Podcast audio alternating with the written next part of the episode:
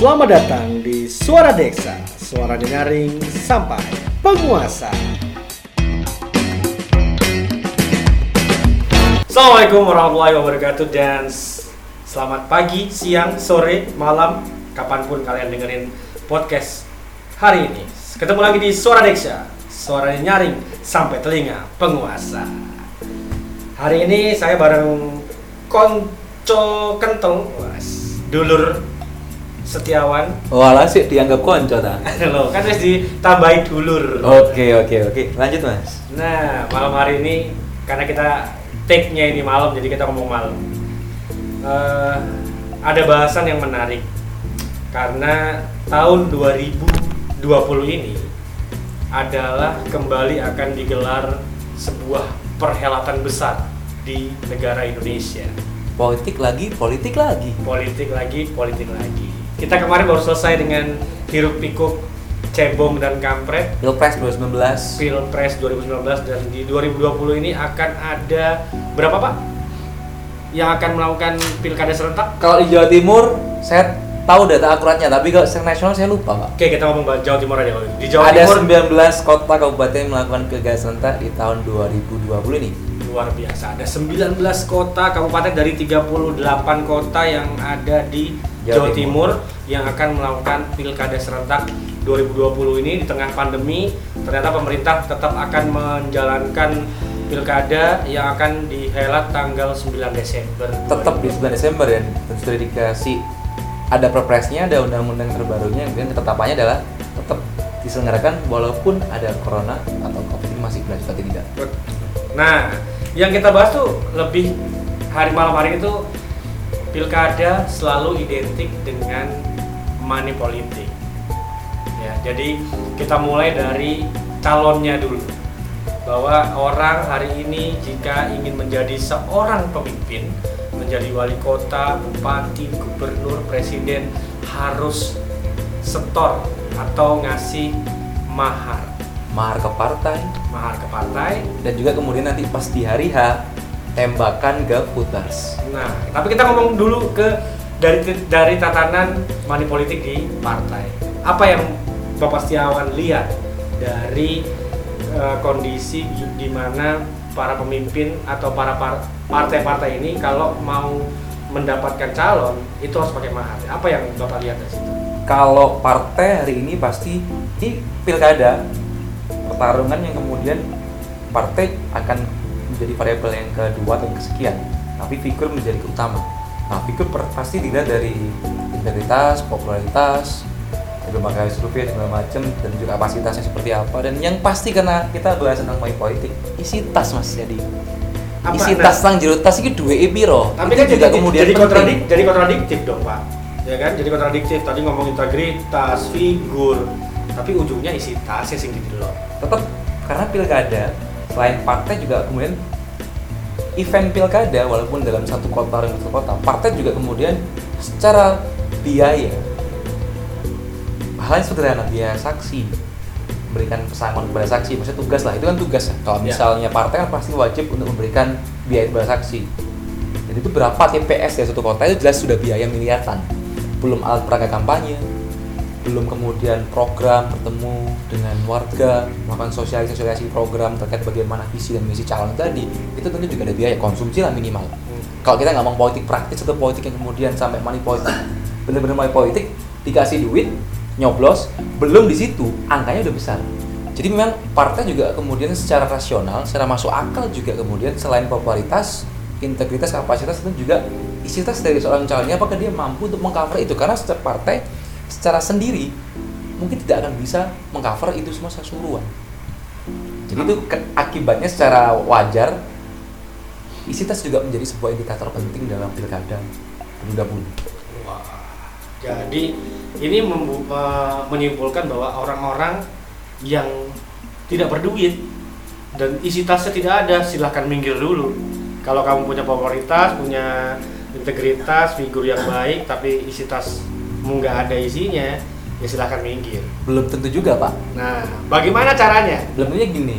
Kalau misal memang ada seseorang yang secara popularitas kefigurannya dan juga ketokohannya memang bagus dia memang mempunyai jaringan.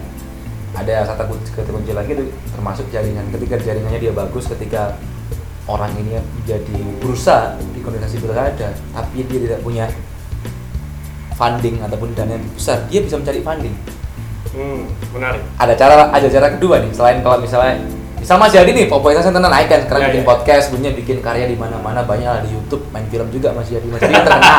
Mas Yadi terkenal Mas Yadi terkenal. Mas Yadi terkenal di satu kota lah misal. Nah Mas Yadi juga punya visi misi. Mas Yadi juga ini pebisnis juga pernah ada di pemerintahan juga bekerja sama dengan pemerintahan juga pernah. Nah tapi Mas Yadi nggak punya duit nih. Hmm. makanya bikin podcast. Kalau punya duit nggak mungkin podcast.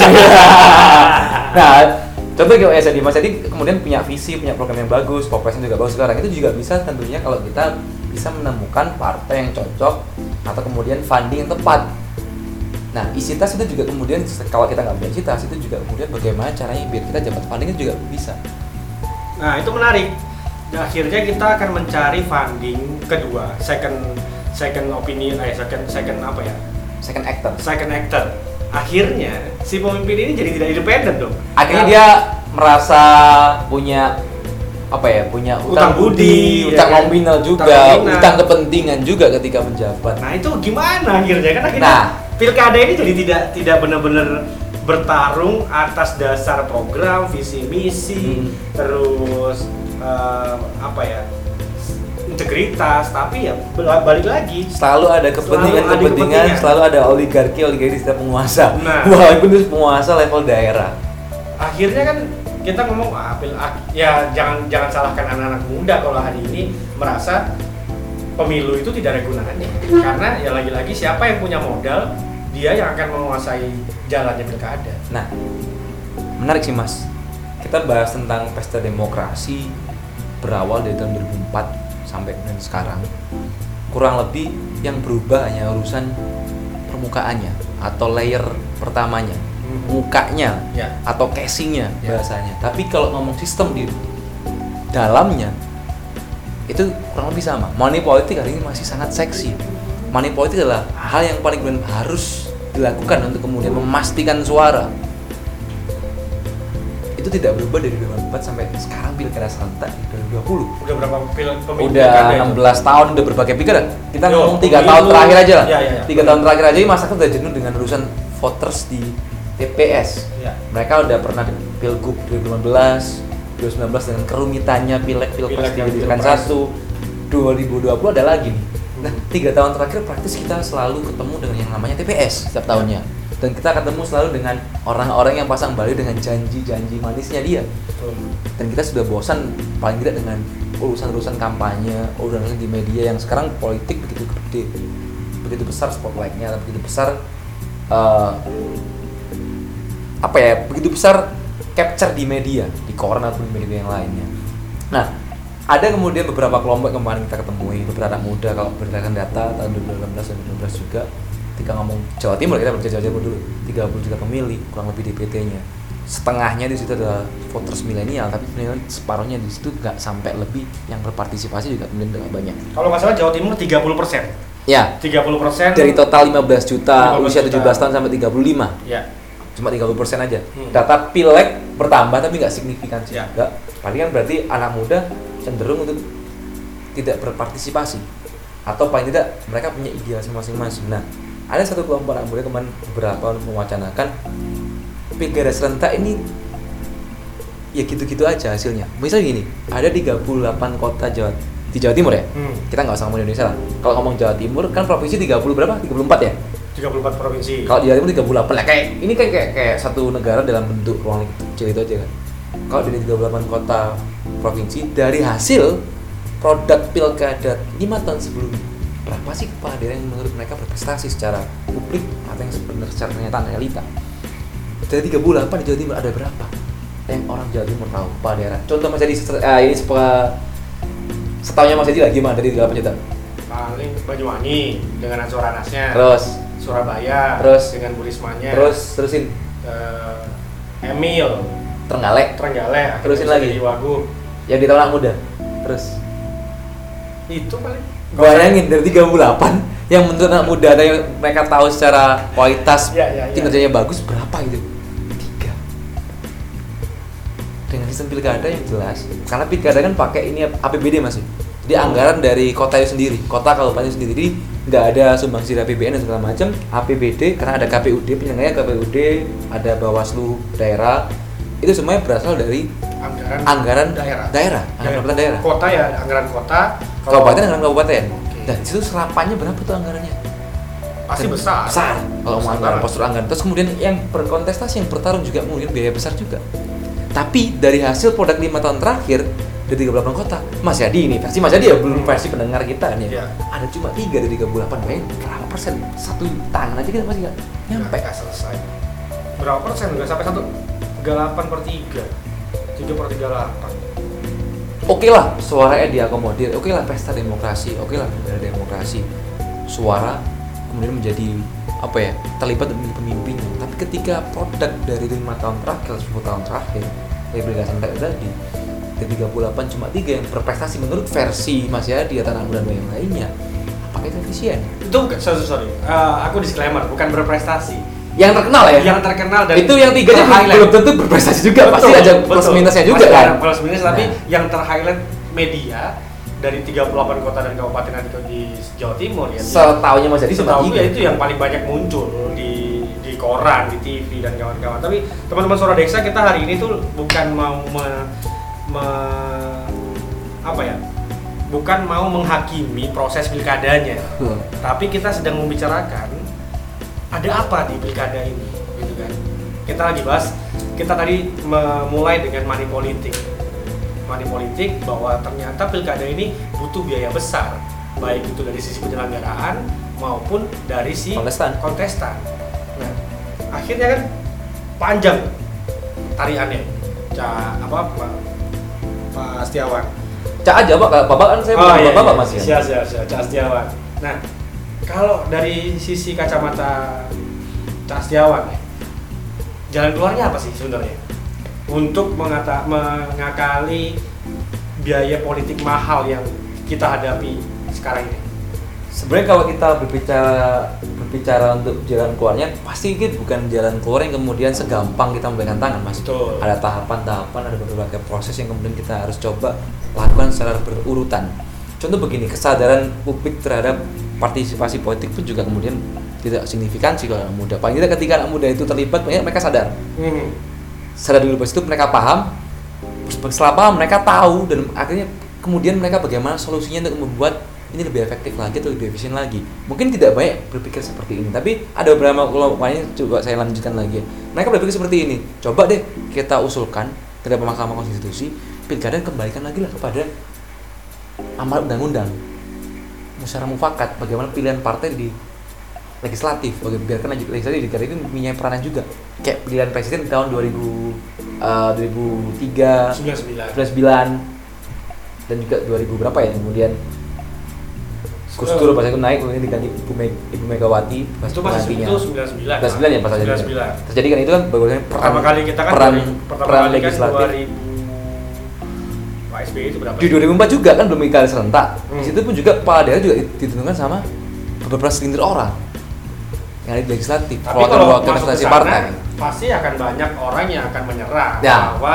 itu adalah salah satu salah satu salah satu opsi aja tentu ada opsi-opsi yang lain yang kemudian Hmm. coba kita lakukan berurutan kalau tapi kalau ada kemudian satu kelompok yang mewacanakan itu paling tidak membuat yang berpikir itu banyak bukan beberapa orang aja Betul. oke kita akan menuju ke sana nantinya tapi kan ada tahapan-tahapannya jadi kalau sekarang kalau berbicara ke yang di depan mata 2020 teman-teman terlibat dulu lah.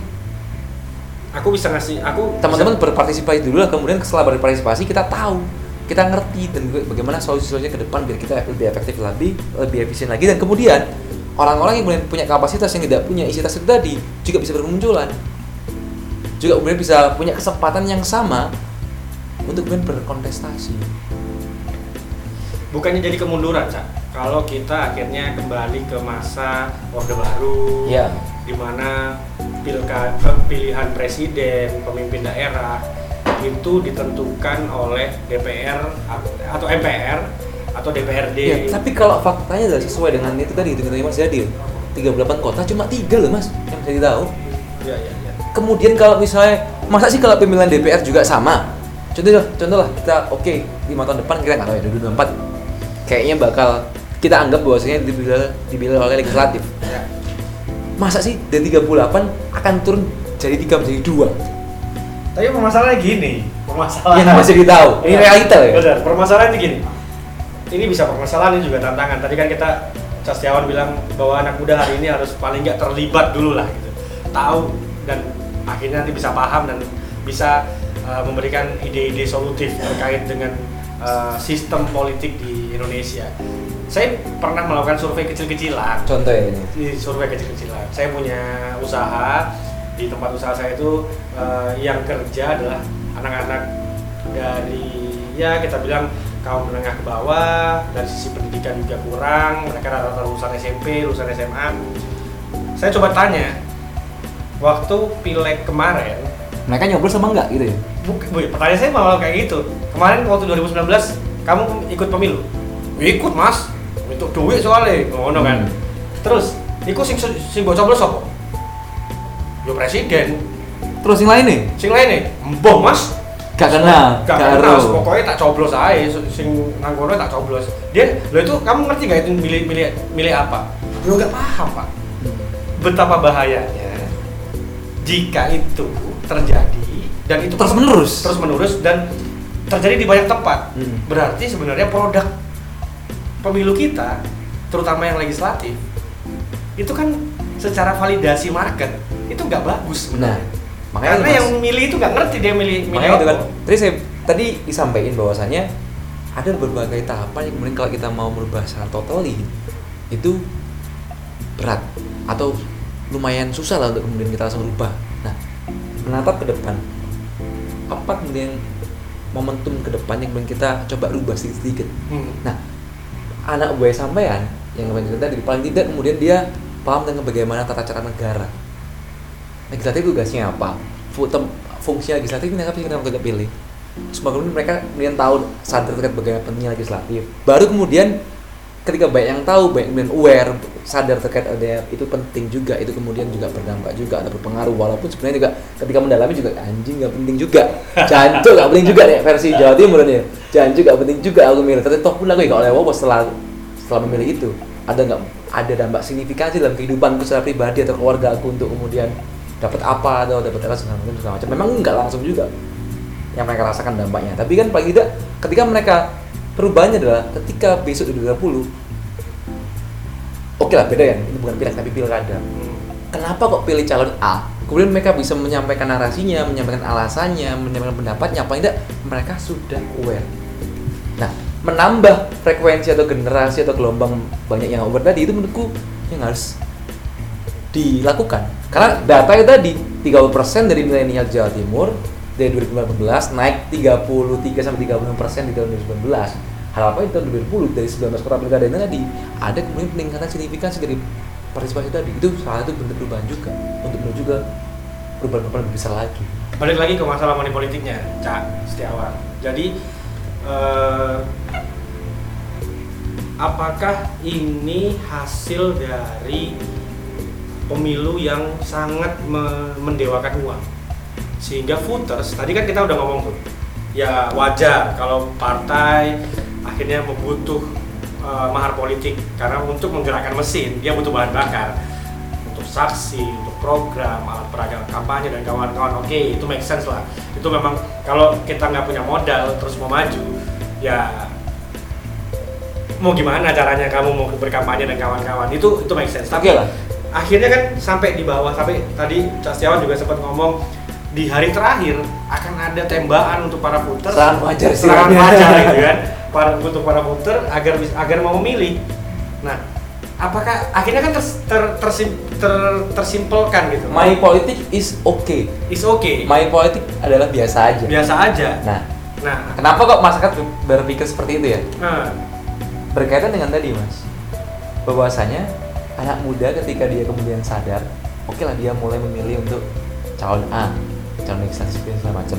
Ketika mereka sadar mereka nggak dapat dampak secara langsung program Hmm. ataupun kebijakan-kebijakan publik yang kemudian mendukung mereka kan itu tidak langsung ya ada tahapan-tahapan seorang pemilih atau seorang pemimpin sekarang kita kan di negara demokrasi kan kolektif kolegial Ya. oke lah ada otonomi daerah di pilkada ke depan nanti kepala daerah bisa memberikan sebuah kebijakan secara secara apa ya secara mandiri secara otonomi untuk bagaimana karakteristik daerahnya dikembangkan ada juga masyarakat berpikir bahwasanya ketika dampak yang secara langsung tidak saya dapat mereka akhirnya berpikir money politik is oke karena itu adalah dampak yang mereka rasakan langsung di hari itu dapat duit dong langsung di hari itu itu dampak langsung mas Pernah dapat berapa banyak sih, Mas Tiwan? 100 ribu, 200 ribu dan segala macam tergantung daerah masing-masing variatif Hmm.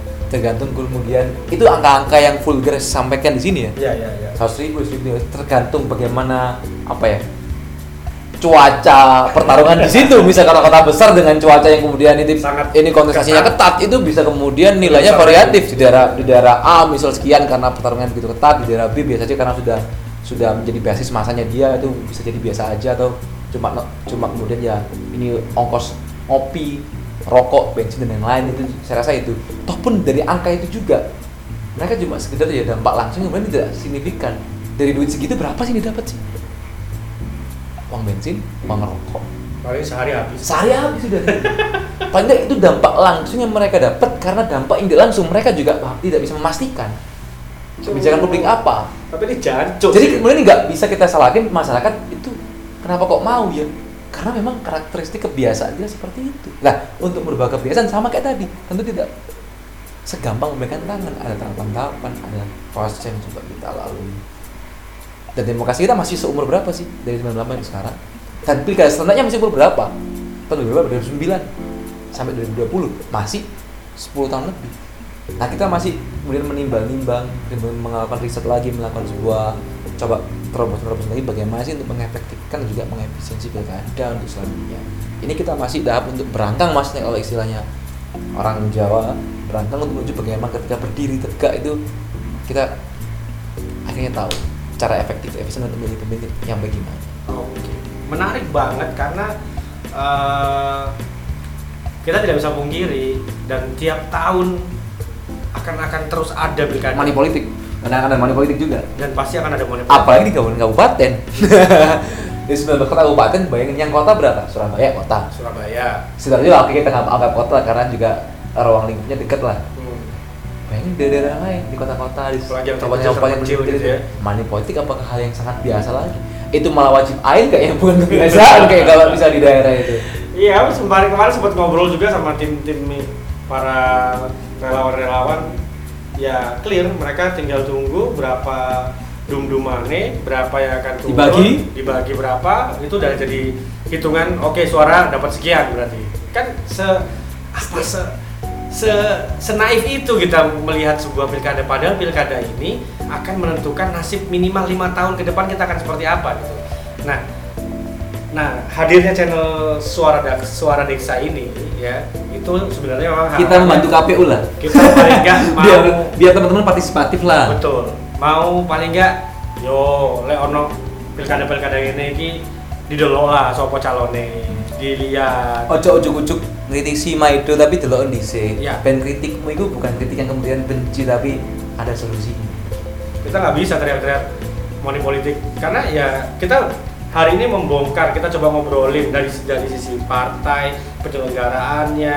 apa perlu kita telepon konstituennya. orang-orang partai nanti mungkin di next episode mas ya kita perlu telepon orang partai kayak gimana sih di partai itu seperti apa biar kemudian ini menjadi ada narasum-narasum yang kemudian itu relate Boleh, itu harus. itu kayak next itu kayak kita harus kayak itu biar uh, pendengar tahu lah oh iya nggak dari pengalaman-pengalaman Mas Yadi atau Ya. pengalaman saya secara pribadi tapi ada pengalaman pelaku yang kemudian dia pernah melakukan itu dan bagaimana ketika melakukan itu itu Sehingga kita insight menarik buat teman-teman sehingga kita tidak kayak main hakim sendiri. Iya, kita nggak judging di sini, kita nggak asumsi, tapi betul. ada kemudian narasum-narasum yang kemudian kita bahas tentang money politik itu kayak gimana di dulu atau sekarang ini apakah masih dimainkan atau menjadi variabel utama atau gimana? Nah, Ada apa nih mas berarti next episode? harus. Nah, itu itu harus kita kita realisasikan. kan? Coba ya. Iya, jadi menarik dia. eh, itu teman-teman suara Deksa. Jadi hari ini mungkin obrolannya eh, kita masih sampaikan wacana terkait ada pilkada nih ke depan dan di pilkada ada money politik nih. Iya. Terus gimana tanggapan kita? Ini adalah persepsi kita, asumsi kita. Next kita harus undang orang-orang yang terlibat dalam pilkada itu dan kita coba kuliti sebenarnya kenapa kok sampai harus ada money politik dalam biar fair orang politiknya ada penyelenggaranya mas. Penyelenggaranya juga jadi harus kita. jadi, jadi biar biar enak ya. Maksudnya Ya. kita telepon lah paling nggak dia ini masa pandemi kan ya kalau Ya. bisa datangkan di studio. Wah studio mas. Studio kan ya. Udah kita lagi ngeset kita lagi ngeset. studio ya Ya, itu paling nggak kita nanti telepon teman-teman yang ada di partai kemudian ada yang teman-teman di penyelenggara nah itu KPU itu Bawaslu kita tanyakan tentang realita kita buka kita bongkar. Kalau dibahas kalau misal di TV di media kan mereka masih Melakukan pencitraan Iya. masih normatif normatif yang dikatakan. Itu kita harus karena jangan sampai ini jadi ste- stereotype akhirnya tadi itu yang dibilang sama Sasyawan money politik jadi biasa. Yes. Padahal kalau semua itu ditentukan oleh seberapa besar kamu dapat ya kita tidak ya itu tadi dari 38 kota cuma tiga yang ter-highlight media. Yang Mas Yadi tahu ya yang Mas Yadi tahu. Mungkin Oke. teman-teman bisa tahu lebih dari Mas Yadi tapi saya rasa saya yakin nggak mungkin dari lebih jari tangan. Pasti yakin banget. Kita next episode kita undang pelaku pemain sama kemudian wasitnya mas. Karena KPU wasitnya. Kita undang satu Iya, kita satu dari satu. Pa- pelakunya dulu eh, partai dari partai. Dari partai, tentu. Nah, terus baru kita ngomong dari penyelenggara. Versi daerah masing-masing. Versi dari masing-masing. Oke daerah thank you. daerah mana mas? Apa next aja ya? Next aja. Oke thank you guys yang sudah dengerin podcast suara Deksa kali ini. Sampai ketemu di pembicaraan-pembicaraan kita selanjutnya. Tetap positive thinking tetap belajar karena suara Deksa selalu memberikan ilmu dan informatif buat anda semua. Suara Deksa suaranya nyaring sampai telinga pemula